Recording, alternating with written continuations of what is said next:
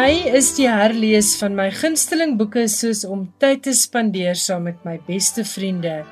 Ek sal nooit tevrede wees daarmee om myself te beperk tot net een ervaring met my gunsteling mense nie. En met daardie woorde van die bekende skrywer C.S. Lewis, heet ek jou hartlik welkom by Skrywers en Boeke. Ek is Elsje Salzwetel. Baie welkom by RSG en baie dankie dat jy saam met ons vir die radio kuier. En ja, die herlees van ou gunstelinge is juis iets waaroor een van my gaste in Finansies Skrywers en Boeke gaan gesels. Ek hoop jy gaan lekker saam met ons kuier. In finansie program gaan Anne Marie van der Walt met ons gesels oor haar lysie lekker leesboeke.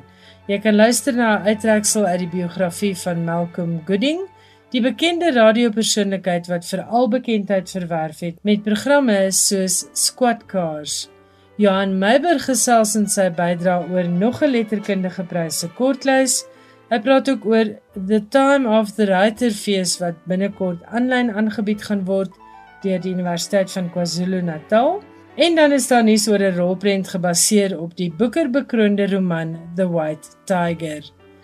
Daar's ook iets vir kinder- en jeugboeklesers. Ek gaan gesels met die kinder- en jeugboekskrywer Elizabeth Wasserman en sy gaan gesels oor haar skryfwerk en hoekom lees so goed is vir kinders se breinontwikkeling. Dit dan alles in finansies skrywers en boeke program en ek hoop jy geniet daardie hitspot van lees lekkertes. In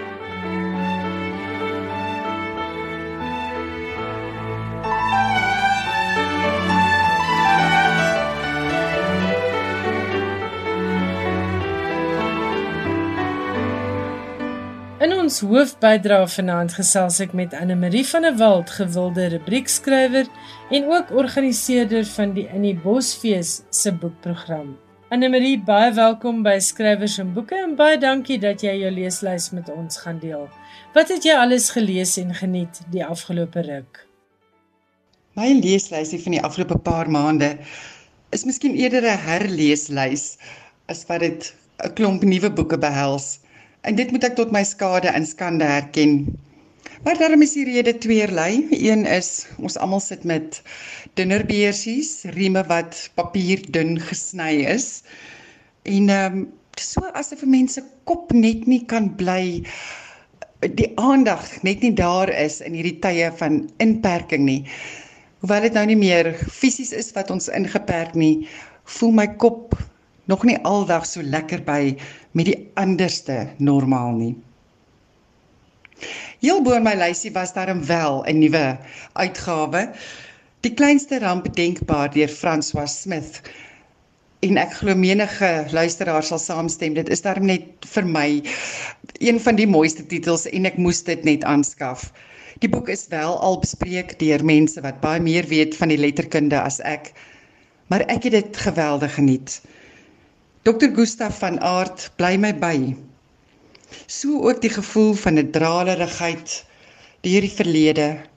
Die soeke na antwoord op verskeie tergende vrae en 'n verval wat soms en soms nie regstreeks onder woorde gebring word.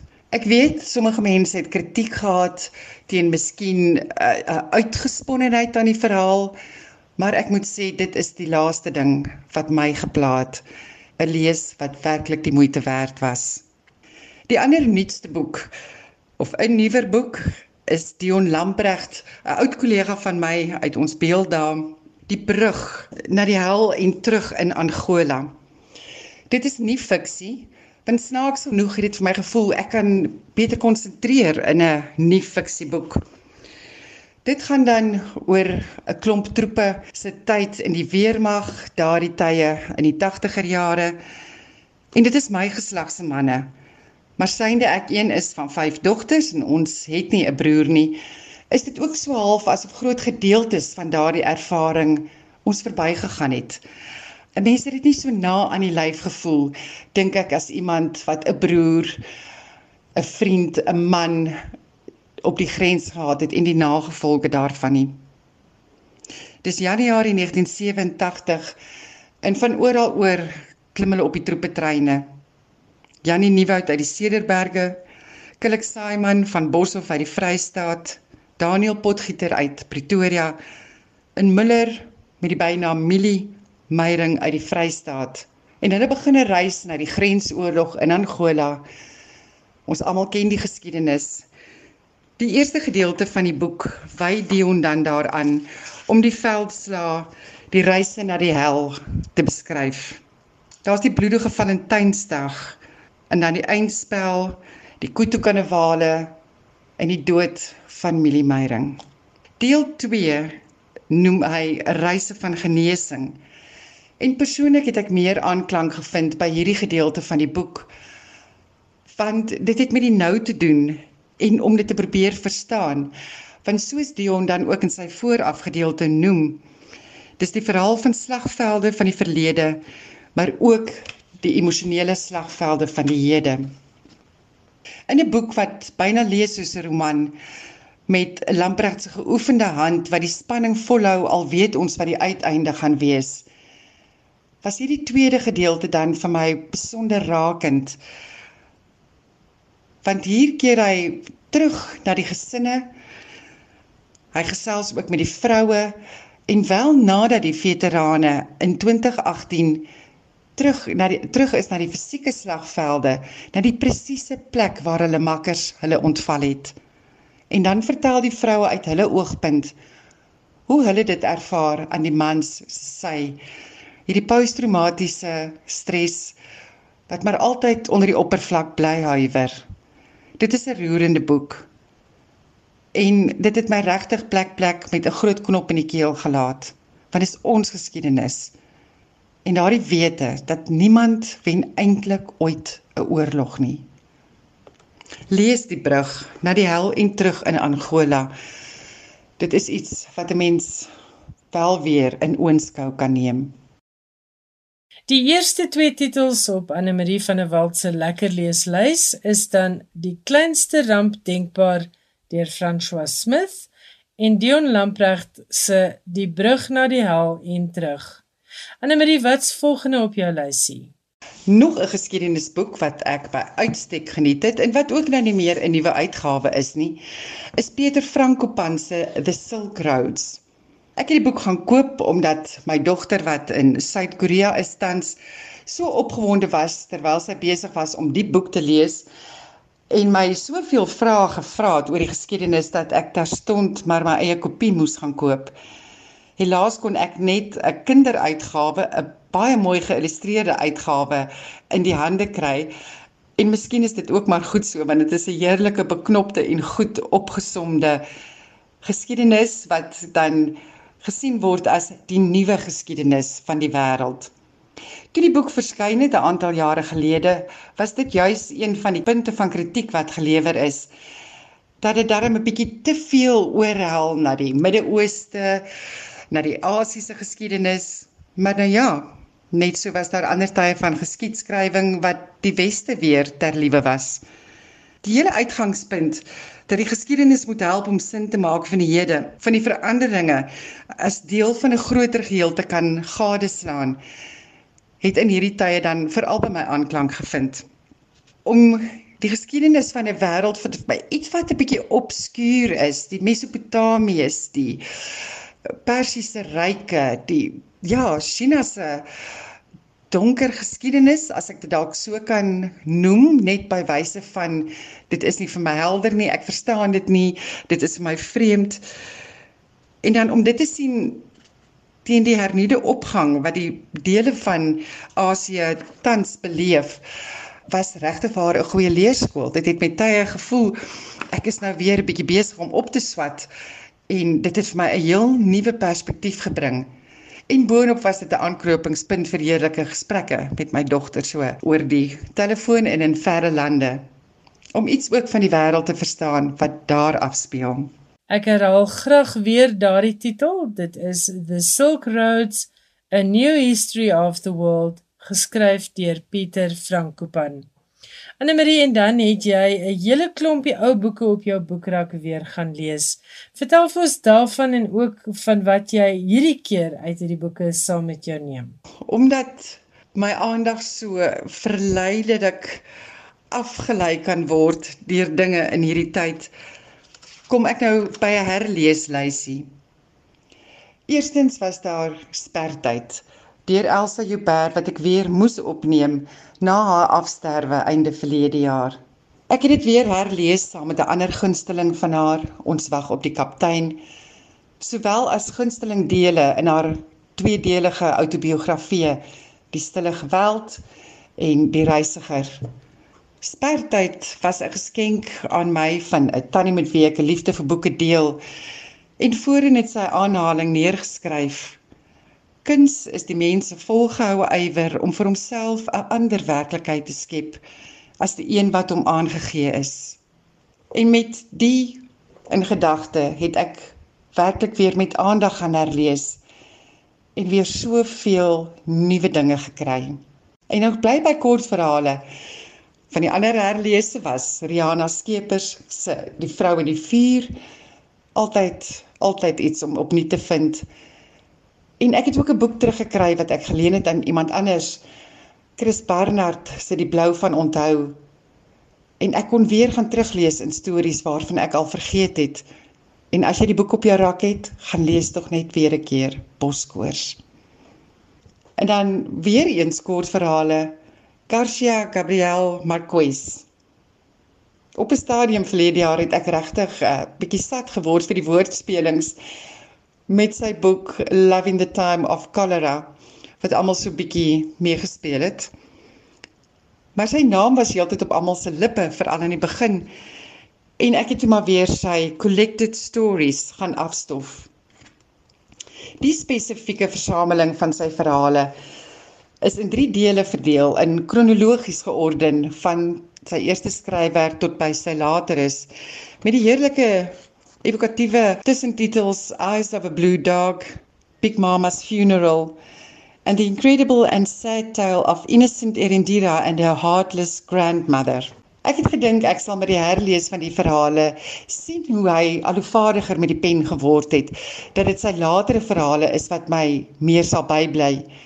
Maar tog was daar iets aan daardie eerste verhale wat sy eerste pennevrugte was waarby ek meer aanklank gevind het.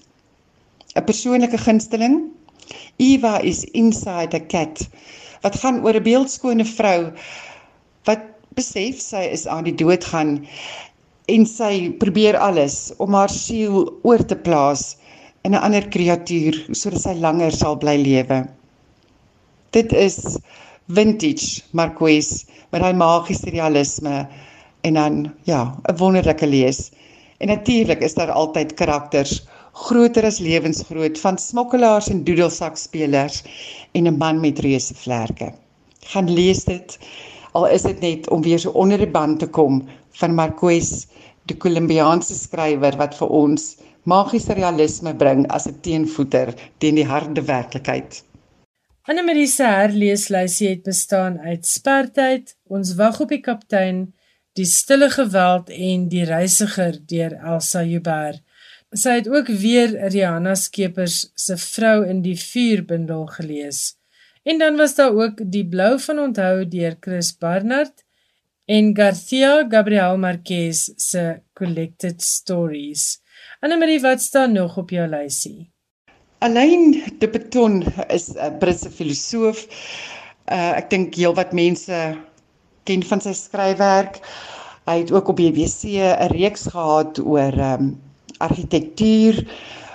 En dan het ek hierdie boek gaan afhaal van 'n rak daar in die huis, 'n boekrak wat nie myne is nie, The Architecture of Happiness want dit het vir my gevoel dis ook 'n titel waarmee ek gerus maar bietjie meer kan tyd spandeer in hierdie tye. Weereens is dit nie fiksie. Alleen die betoon bekyk hier in die belang van argitektuur. Waarom bou ons in die style wat ons bou? Wat raak ons aan 'n gebou? Hoekom is dit hoegenaamd belangrik? En as 'n mens heeltyd in jou agterkop miskien die gedagte vashou dat Carl Jung, die vermaarde Oostenrykse sielkundige, destyds gesê het 'n mens is die huis waarin jy bly. Jy is 'n huis met baie kamers. Dan is dit miskien 'n rede waarom 'n mens aangetrokke voel tot die argitektuur in geheel soms. En die hele idee dat ons fisiese omgewing het so 'n groot invloed op ons geestelike omgewing en dat dit opnuut ook iets is wat ek dink ons almal weer ehm um, besef het in hierdie tyd met soveel meer ure wat ons by ons eie huise spandeer het. Dit maak dit mooi vir jou op jou manier. Dit kos net soveel om lelik te bou as om mooi te bou. So bou maar mooi, al is dit net vir jou mooi. Maar ja, gaan kyk ook gerus na sy The School of Life. Dit beton gee altyd 'n stof tot nadenke. Dis nie 'n vinnige lees nie, maar 'n baie baie leersame lees. En daardie titel net weer vir ingeval jy dit misgeloop het, Alain de Botton se The Architecture of Happiness. En Anne-Marie Jeslet af met 'n boek van Margaret Atwood. Net 'n klein boekie omdat ek my so vervies het omdat ek nie haar jongste digbundel hier in Nelspruit in die hande kon kry nie. Is Margaret Atwood die bundel wat ek nie in die hande kon kry nie is Dearly. Die boek wat ek van die rak afgehaal het is The Tent. Nie fiksie essays soos sy dit self beskryf. En vir enige boekliefhebber is hierdie boek 'n totale verleiding oor hoe dit lyk. Dis 'n klein harde band met 'n stofomslag, met 'n onthoulend, 'n pleklint met die mooiste papier denkbaar. En ek onthou hoe het ek destyds hierdie boek gekoop bloot op sigwaarde daarvan. Maar ek het onmiddellik weer onder die ban gekom van die melankoliese stukke wat sy geskryf het. Sommige is kort, daar is een of twee gedigte daarbey, maar iets bly mens altyd so bietjie voel jy kan haar net net nie vasvang nie. Amper soos 'n droom wat jy nie self onthou nie. Dit is 'n wonderlike boek om iewers in die huis neer te sit op te tel terwyl jy miskien staan in eiersklits en sommer net te lees en te dink ja iemand anders bring iets onder woorde wat jy graag sou wou. Ek gaan 'n baie kort stukkie wel dit is 'n kort stukkie in ieder geval Dit is die tweede klein essay in haar boek, Clothing Dreams. Oh no, not this again. It's the clothing dream. I've been having it for 50 years. Aisle after aisle, closet full after closet full, metal rack after metal rack of clothing, stretching into the distance under the glare of the fluorescent tubing. Why am I compelled to riffle through these outfits? Tangle up the hangers, tripping on the ribbons, snagging myself on a hook or button while feathers and sequins and fake pearl drop to the floor like ants from a burning tree. What is the occasion? Who do I need to impress? There's a smell of stale underarms. Everything's been worn before. Nothing fits. Too small, too big, too magenta. These flounces, hoops, ruffles, wide collars, cut velvet capes, None of these disguises is mine. How old am I in this dream? Do I have tits? Whose life am I living? Whose life am I failing to live? En dit is die lysie wat my die afgelope tyd aan die gang en aan die lees gehou het. En die mens wat so lekker onderhoudend gesels het oor haar leeslysie is Anne Marie van der Walt, vryskutskrywer, rubriekskrywer en organiseerder van die In die Bos Boekefees se program. Die laaste boek waarna Anne Marie verwys het, was Margaret Atwood se bundel The Tent. Anne Marie, baie dankie vir jou leeslys. Dankie ook vir die insette oor die herlees en die vreugdes wat 'n mens daaruit kry. En ons hoop om julle darm iewers in die jaar rond daar by die In die Bos Kunstefees te kan sien. En terwyl Anne Marie nou vertel het hoeveel vreugde haar eie boekrak opgelewer het, onthou maar as jy boekrakke leegmaak, as jy dalk besig is met 'n groot skoonmaak omdat die inperking jou nog so bietjie inhok, deel asseblief jou boeke met mense wat nie nou nuwe boeke kan bekostig nie. En daar's baie sulke plekke en baie sulke individue. En as jy nie boekvriende het nie, deel asseblief jou boeke uit aan biblioteke, skoolbiblioteke, aftreeoordes, leesgroepies of enige welsynsorganisasie wat boeke versprei aan minderbevoorregte lesers.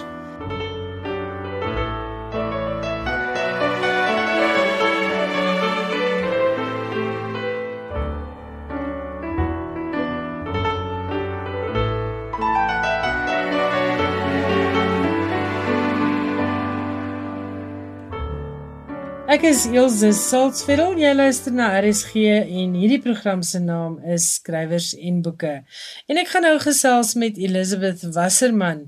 Kinder- en jeugleesers sal haar waarskynlik herken as die skrywer van heerlike stories soos Speurhond Willem, Anna Atoom en Professor Sabatina se Wetenskapsfabriek. En as jy dink dit klink na baie uiteenlopende titels, Wag tot jy hoor van Elizabeth se ander beroep. Sy is nie net 'n skrywer nie. Goeienaand Elizabeth en baie welkom by Skrywers en Boeke. Hallo Ilse, is lekker om met jou te gesels.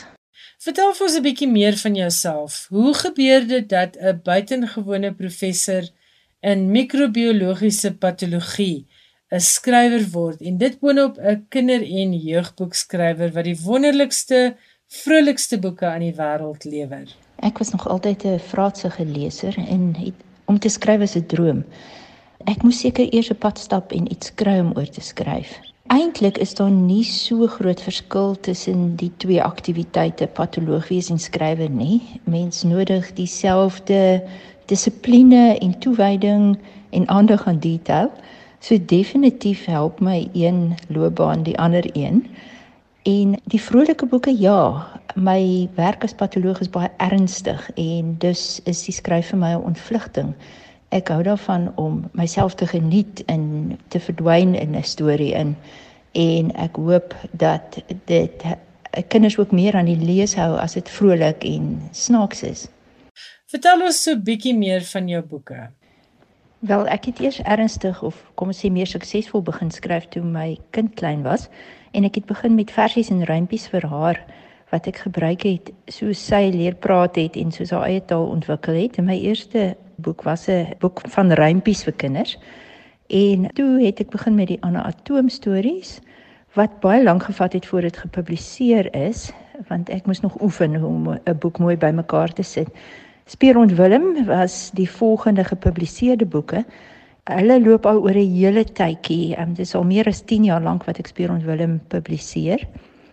En soos my dogter groter geword het, het ek begin om my verbeeldingswêreld by haar aan te pas en net meer begin skryf vir kinders en die 11 dae reeks het begin. Tussenin was daar nog Janus en Kriek ook wat ook 'n avontuur en wetenskap gebaseerde reeks was vir kleiner kindertjies. Ek is 'n groot hondeliefhebber en natuurlik is ek mal oor Willem Speurhond. Vertel ons asseblief bietjie oor die ontstaan van hierdie reeks En natuurlik wil ek weet waar jy net Willem Speurhond al gereis. Willem was ons huishond, 'n gespikkelde spaniel van diep karakter. En ek het sy stories begin skryf terwyl ek op gewerk het in Europa. In daardie dae was ek nog 'n bloubloed akademikus en ek het eh, baie gereis en ek was ook besig met werk vir 'n navorsingsgroep in Duitsland. My dogter was op daardie stadium klein en uh, sy daarvan gehou as ek huis toe kom met rympies of stories as presente of simpel prentjies wat ek geteken het. Eendag was ek op reis tussen Würzburg en Duitsland um, op pad na België en ek het toevallig op 'n trein beland, dis 'n lang storie. En ek dink die man by die kaartjieskantoor het my jammer gekry met my Duits so sleg is en hy het my in 'n baie luukse kajuit gesit. Um en die trein het gery deur hierdie wonderlike landskap van langs die Rein rivier af met kastele en woude en dit was net so inspirerend en ek het so goed gevoel oor die plek waar ek is en ek het my rekenaar oop geslaan en begin dink hoe kan ek vir my dogter by die huis vertel van al hierdie fantastiese goed wat ek ervaar en Ek het aan ons hond gedink en skielik het Speurhond Willem in my kop gespring en ek het hom gebruik as 'n agent, um, wat my dogter kan vertel van die plekke waardeur ek reis. En dit is hoe Speurhond Willem die reisende speurhond begin het en al sy avonture van daar geloop het. Sy eerste boek was in Europa, Speurhond Willem reis deur Europa. Ehm um, en die boek is gretig opgeraak deur Michelle Cooper, my uitgewer van Tafelberg. Sy was wonderlik vir Willem deur al die jare. Daarna het ek begin dink waar kan Willem nog heen gaan en op daardie stadium was die seerowers in die ooskus van Afrika baie bedrywig vanaf Somalië se kant. En Willem moes natuurlik 'n uh, draai daar gaan maak. En Spiron Willem en die seerowers het begin toe 'n lokale avontuur met die renosterstropers, Spiron Willem en die wildiewe. Daarna was Willem ruimte toe. Nou dis 'n een boek wat ek nie geskryf het terwyl ek op die plek was nie. Maar dit was heerlik om al die webwerwe van NASA te besoek en op virtuele togte deur die internasionale ruimtestasie te gaan en dit was so lekker agtergrond vir 'n heerlike storie en natuurlik in al die regte ruimtehonde wat al in wel in die ruimte was en hier daar van Sputnik en die Russiese ruimte eksplorasies in die 50s en 60s.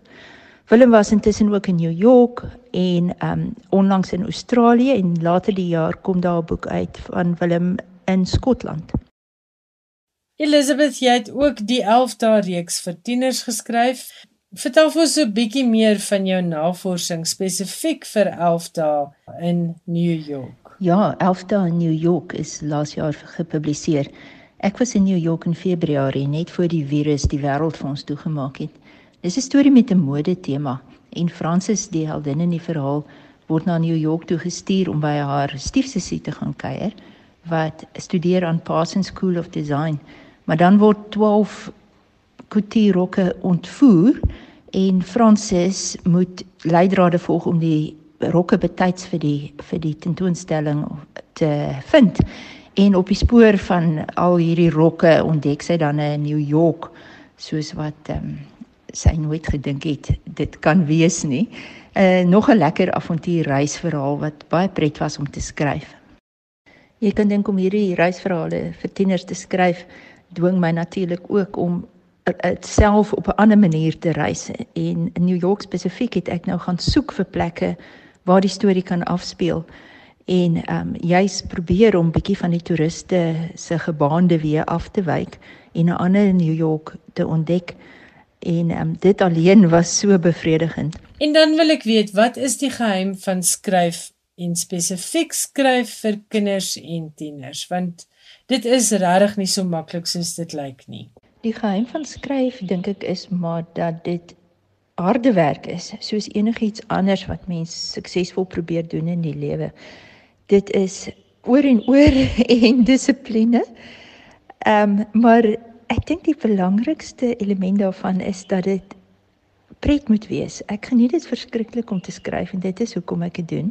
Dit is vir my verrassend as iemand geniet om ook te lees wat ek skryf en dis baie lekker.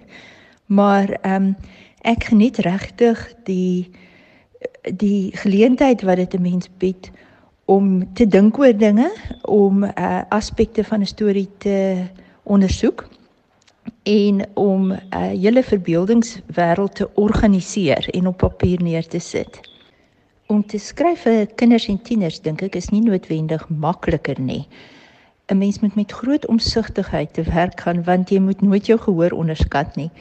Kinders is geweldig krities en analiserend en dit is belangrik om materiaal vir hulle op 'n maklike manier aan te bied sodat dit aantreklik is vir hulle om te lees. Maar ehm um, jy moet ook baie eerlik wees met kinders en jy moet hulle die hele tyd stimuleer. So dit moet 'n redelike vinnige pas wees wat aksie ontwikkel om 'n kind se aandag by 'n boek te hou. Vir tieners is dit belangrik vir hulle om te kan assosieer met die karakters in 'n verhaal en alhoewel ek fokus op avontuurverhale en en reis is dit dis belangrik dat my karakters in die boeke probleme het wat die tieners bekend vind. En daar's gelukkig genoeg daar om te kies um, familieprobleme probleme met akademie en skool. En ek hou daarvan om die karakters altyd op hierdie punt te sit min of meer 16 jaar oud waar hulle nog vis nog vlees is. En 'n reis moet maak van kind wees na groot word. En in die storie is daar heelwat wat met my karakters gebeur om hulle te vorm en as die karakter aan die ander kant van die boek uitstap het hulle skielik rigting dit is die eh, gemeene element in al die 11 dae stories En dan wil ek afsluit met 'n vraag wat my persoonlik baie na in die hart lê.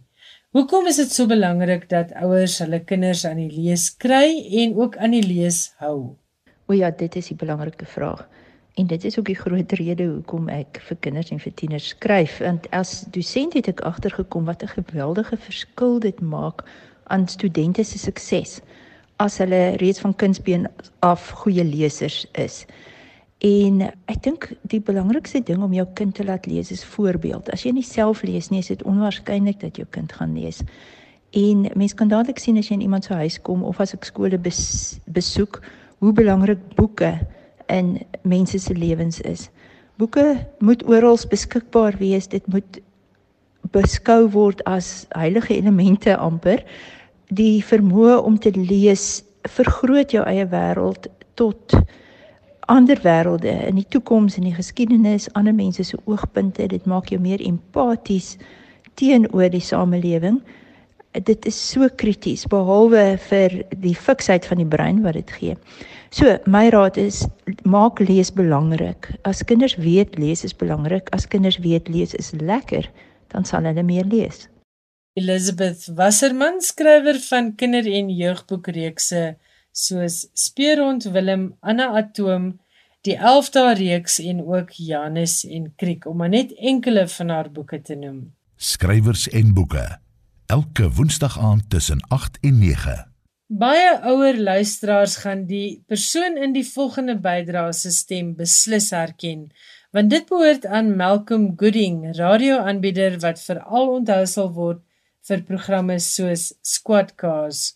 Malcolm is ook 'n stemkunstenaar en sy stem was te hoor in advertensies op radio, TV en selfs in rolprentteaters in die dae voor televisie. Malcolm het 'n biografiese boek Confessions of a Voice Artist die lig laat sien na aanleiding van die toneelstuk Going Gooding, a play on radio wat geskryf is deur Tim Sandham en Angus Douglas. Ons gaan nou luister na 'n kort uittreksel uit die boek wat ook as 'n audioboek beskikbaar is. En Malcolm Gooding self lees vir ons voor uit sy boek Confessions of a Voice Artist. Good morning, Vietnam. It's Malcolm Gooding. The SABC had regional bulletins, dedicated shortwave channels for those who could not pick up FM. These reached into South Africa's platteland, as well as into Namibia and Botswana, offering everything from local cricket scores to fresh produce prices. The announcer would read the prices off a ticker ream in the studio. And at the Pietermaritzburg market, A grade potatoes are trading at 13 cents a kilo, B grade potatoes are 8 cents a kilo, A grade squash is 18 cents a pocket, tomatoes 14 cents a crate. Fresh green beans will set you back 19 cents a pound, lettuce is 12 cents a head, and cabbage 10 cents a head. And on and on and on it went. On one occasion, I had just come from presenting a contemporary music program and had my record box with me, filled with heavy rock. Maybe it was the music of rebellion that gave me an attitude of rebellion, but I decided to turn it into a bit of a show. So, I strode into the booth determined to bring some playfulness to the dreary, hour long regional market report. I read it all with a Portuguese accent, throwing in the odd track for good measure. That is a very important warning for all the market in South Africa. Please remember that the potatoes and the squash is very, very scarce at the moment. I think we've had enough of potatoes for now and Guaves. Let's listen to a bit of Santana, my favorite Portuguese musician. There was only one producer in the control room, but when he heard what I was doing, he went to call his mates, and so, by the time my hour was up, I was playing to quite an audience, who were enjoying it as much as I was, and dancing along to the songs. The downside was that I only got through half the full list of fresh produce prices.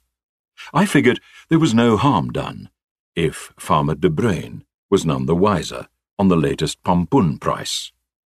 It turned out that South Africa's rural economy relied on these market prices, and the regional broadcasts were indeed being monitored. A Colonel Nicholson down in the Natal Midlands had done a home recording of my little show and sent it in to the SABC. I was called into the headmaster's office to be greeted by a rather grave looking Tony Faulkner.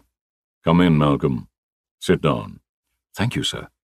I'm sure you know why I've called you in. Haven't the vaguest idea, sir. Malcolm, it seems there was a Portuguese gentleman who took over your slot for the regional broadcast of fresh produce prices. A Portuguese? Yes, he had a Portuguese accent, and what's more, he peppered the reed with contemporary rock songs. Here, I'll play it for you. Tony presses play on the big tape recorder on his desk, and out comes my recording. Sir, that Portuguese gentleman was me doing a Portuguese accent. I thought it was time we livened up these recordings. Could be good for ratings. Ordinarily, the ultra conservative SABC took a dim view of such frivolity, and I could have copped a suspension. But Tony saw the funny side of it and gave me a perfunctory slap on the wrist. In our play, we poked some fun at Colin Duplessis' long running show, Top People. In their show, Take a Chance, Daryl Eurster and Michael Mayer had done a rather anarchic takeoff of it called Flop People.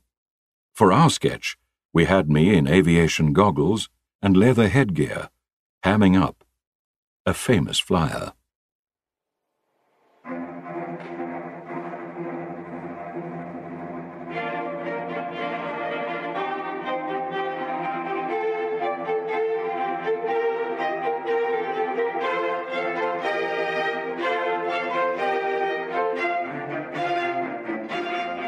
Hello, this is Colin Duplessis, and welcome to another episode of Top People. Today we interview one of South Africa's greatest fighter pilots, Sailor Milan. Hello, Sailor. Hello, Colin. It's good to be here. Sailor Milan, you won the Distinguished Flying Cross. You are a war hero. What was the most terrifying incident in your long career? Oh, well, I was in my Spitfire over the Engelse Canal, flying back after a mission, when suddenly out of the clouds dives three Fokkers. Captain Milan! That's what my second in command said. I called over the radio to the other pilots. You girls, hold the formation up here, while I gain height and get behind these Fokkers. No sooner said than done, and I was behind them. I shot one down. I damaged the second, but the third Fokker got away. That was quite something now. That was just the start of it. I'd hardly rejoined my squadron when my wingman says, Below us, sir, another three Fokkers. You can't say that! That's exactly what I told my wingman. We were tired and running out of petrol. But I commanded the squadron. Drop speed and disperse, manna. Then I dived out of the sun and chased the hell out of these Fokkers. I shot the first one to pieces and left him to limp home. I chased the second one until his petrol ran out and he fell into the canal. And then the last one. I chased him from east to west, north to south. You know, I think we were back over France by then. But eventually, I shot down that Fokker. I'd just like to remind listeners to the English radio service that, of course, Captain Milan is referring to the German fighter plane, the Fokker Wolf. No, Colin, these Fokkers were flying Messerschmitts. Dit was die stem van Malcolm Gooding en hy het voorgeles uit sy boek Confessions of a Voice Artist. Dis beskikbaar by toonaangewende boekwinkels landwyd. As hulle nie die titel het nie, vra dat hulle dit net vir jou bestel. En dan is daar ook 'n audioboek beskikbaar via Bib Africa. En dit is 'n toepassing wat jy net moet aflaai. Ons sluit ouer gewoonte weer se program af met Johan Meiburg en sy interessante nuus van reg oor die wêreld oor internasionale skrywers en boeke. En vanaand gesels Johan oor nog 'n letterkundige prys se kortlys, die Time of the Writer fees wat binnekort aanlyn gehou word deur die Universiteit van KwaZulu-Natal, en 'n rolprent gebaseer op die boekerbekroonde roman The White Tiger. Johan, baie welkom. Die mikrofoon is joune. Drie romans en twee bundels kortverhale is vanjaar op die kortlys van die Aspen Words Letterkundeprys. Die prys word aangebied deur Aspen Words, 'n nuwe winsgewende literêre organisasie in samewerking met die Amerikaanse National Public Radio gesetel in Washington DC. Die prys is daarop gemik om fiksie te bekroon wat die kollig laat val op eie tyd se kwessies. Volgens Adrian Brodeur, uitvoerende hoof van Aspen Word, voldoen die 5 boeke op die kortlys almal aan die vereiste. Boonop sê Brodeur is dit die vermoë wat fiksie het om ons op ander maniere na die wêreld rondom ons te laat kyk wat in die boeke na vore kom. Dit is ernstige onderwerpe wat ter sprake kom, maar dit word weergegee in die vorm van roerende liefdesverhale met karakters wat nie net volronde mense is nie, maar wat jou ook by geleentheid laat skater. Die vyf boeke op die kortlys is Louise Edrich se roman The Night Watchman 'n historiese roman wat 'n familiekroniek is en daarbey ook 'n verkenning van die eerste nasie-gemeenskap in die FSA. Die boek word beskryf as 'n wyse en transformerende meesterstuk. Dan is daar Against the Loveless World deur Susan Abulawa, 'n roman wat die ontwaking volg van naar van jong meisie tot 'n onafhanklike vrou. Die verhaal word ingeweef in die groter tapisserie van Palestynse grondonteiening en weerstand. Die epiese kwaliteit van die boek is deur die beoordelaarspaneel beklemtoon. The Office of Historical Corrections deur Daniel Evans is 'n bundel kortverhale wat delf in die Amerikaanse siege en 'n verlede waaroor niemand praat nie of wat verdoesel, verbloem of vergoeilik word. Een van die ses verhale verbeeld die uiteinde van reaksie op sosiale media nadat 'n student 'n bikini van 'n konfederasie vlag gemaak het. Leave the World Behind deur Ruman Alam word beskryf as 'n misterie van 'n roman wat die leser end uit boei. Dit is ras, klas en die broosheid van die planeet wat aan die orde kom En wat uitstaan is die krag, humor en uitsonderlike insigte wat die boek bied. Soos die beoordelaar sê, sterkte daarmee om die boek te probeer neersit. Die laaste boek op die kortlys is die verhalebundel van Randall Keenan met die titel If I Had Two Wings. Die 10 verhale neem lesers op 'n reis en stille mens bloot van die alledaagse tot die verbluffende en met die grens tussen die sakrale en die profane papier dun. Keenan is in Augustus verlede jaar toe die bundel verskyn het, dood op 57. Die wenner van die prys wat net meer as 'n half miljoen rand werd is, word op 21 April aangekondig. Die 24ste Time of the Writer Internasionale Fees word van 15 tot 21 Maart aangebied deur die Universiteit van KwaZulu-Natal se sentrum vir die kreatiewe kunste. Die fees word aanlyn aangebied op die fees se sosiale media kanale. Time of the Writer bring vooraanstaande skrywers, sosiale kommentators, aktiviste, dramaturge kortverhaalskrywers en digters byeen in onderhoude en paneelgesprekke. Daar's ook uitstallings wat aandag gee aan kwessies soos fluitjieblassers, migrasie, kolonialisme, geslagsgebaseerde geweld en genderidentiteit. Die fees word aangebied onder die sambreel tema The Writer, Witness, Canary in the Mine or Testifier. Die tema is ontleen aan 'n essay van die Amerikaanse skrywer Daisy Hernandez waarin sy so skryf: While it may well be that no book has ever prevented genocide or fascism, we still have a necessity for literature to testify to the political conditions of our lives. Not only so that we might have a record of those we have lost, but also that we may have a reason to gather with others to read and to continue resisting. Vir meer inligting oor deelnemers in die program, besoek die webwerf www.tov.ukzn.ac.za. The White Tiger, die rolprent van die regisseur Ramin Bahrani, is pas uitgereik en tans op Netflix te sien. Die fliek is trouens vir die stromingsdiens gemaak.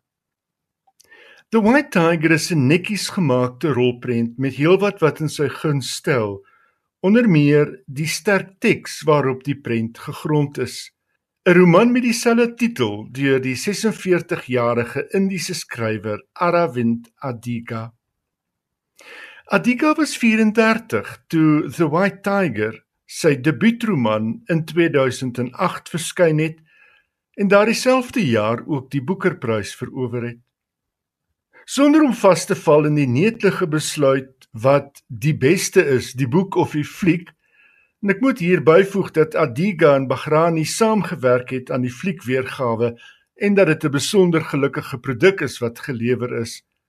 Wil ek 'n lans breek vir die boek.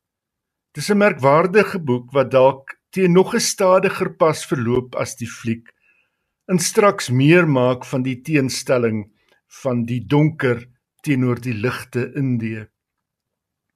As jy nie toegang het tot Netflix nie, is jy ten opsigte van The White Tiger nie slegter daaraan toe nie. Kry toegang tot die boek.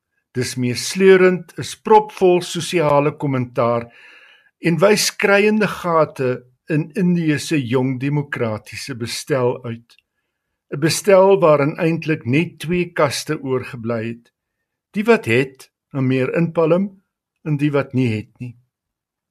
Aravand Adiga se The White Tiger is uitgegee deur Penguin. Hier is Aravind Adiga aan die woord oor The White Tiger. Wie die onderhoudvoerder was, weet ek nie. Die opname is gemaak vir Blackwells.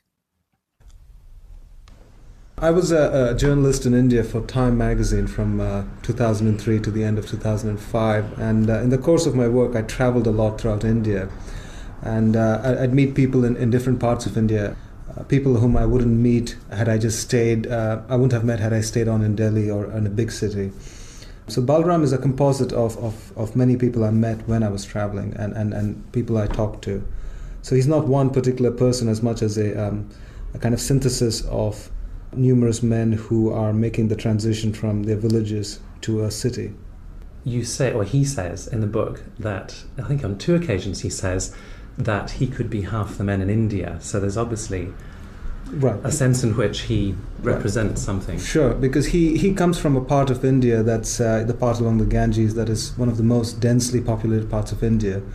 And uh, something like uh, over 400 million Indians live, live in that part of the country. But generally, the man I've described, you know, of medium height with a mustache, kind of thin, is, is, is the physical and dark skin, is, is a physical uh, characteristic, is a kind of, he looks like half the men in India.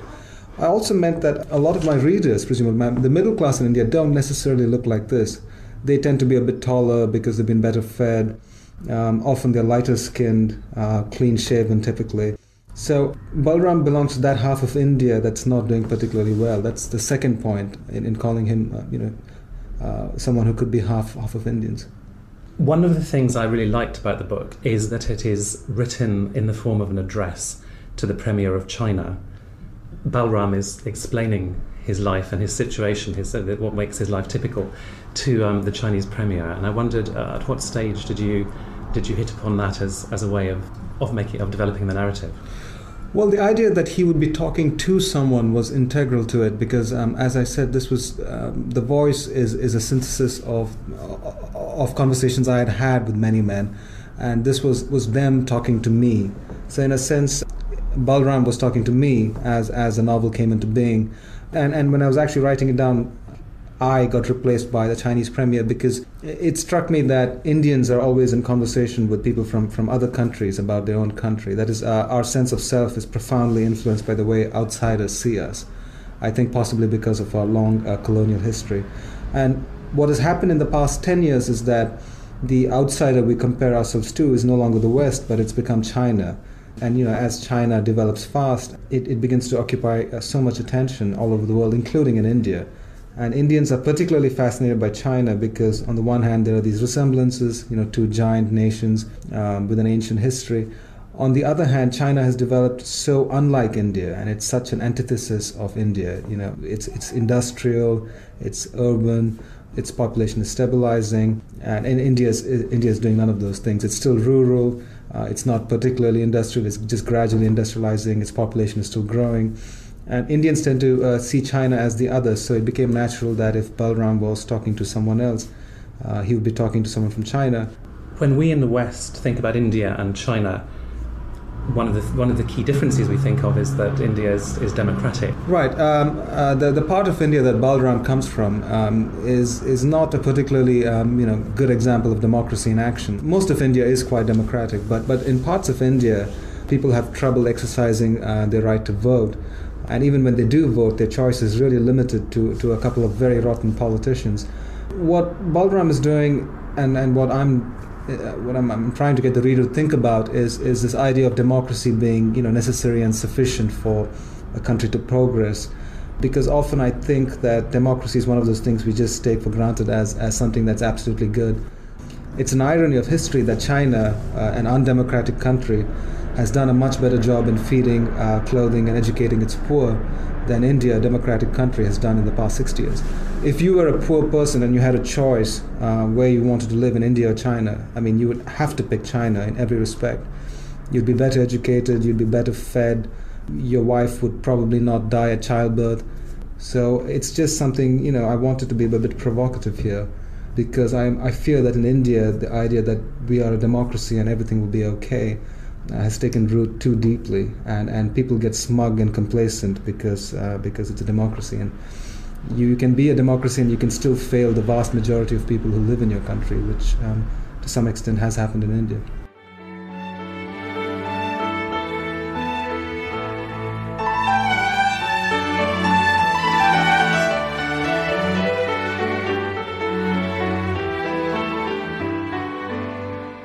Laaste woord in Johan Meiburg se bydrae het behoort aan Averind Adiga en hy is die skrywer van The White Tiger. Johan, baie dankie weer eens vir 'n baie interessante bydrae. En ook baie dankie aan Elizabeth Wasserman, Anne Marie van der Walt en Malcolm Gooding, my gaste. daarmee groet ek dan eers maar onthou gerus jou afspraak met skrywers en boeke volgende Woensdag aand om 8uur wanneer ek en Johan Meiburg weer saam met jou kuier. Geniet die res van jou week. Hou die radio aangeskakel op RSG vir interessante programme, goeie musiek en geselskap. Lekker lees en veilig bly. Tot volgende week. Totsiens.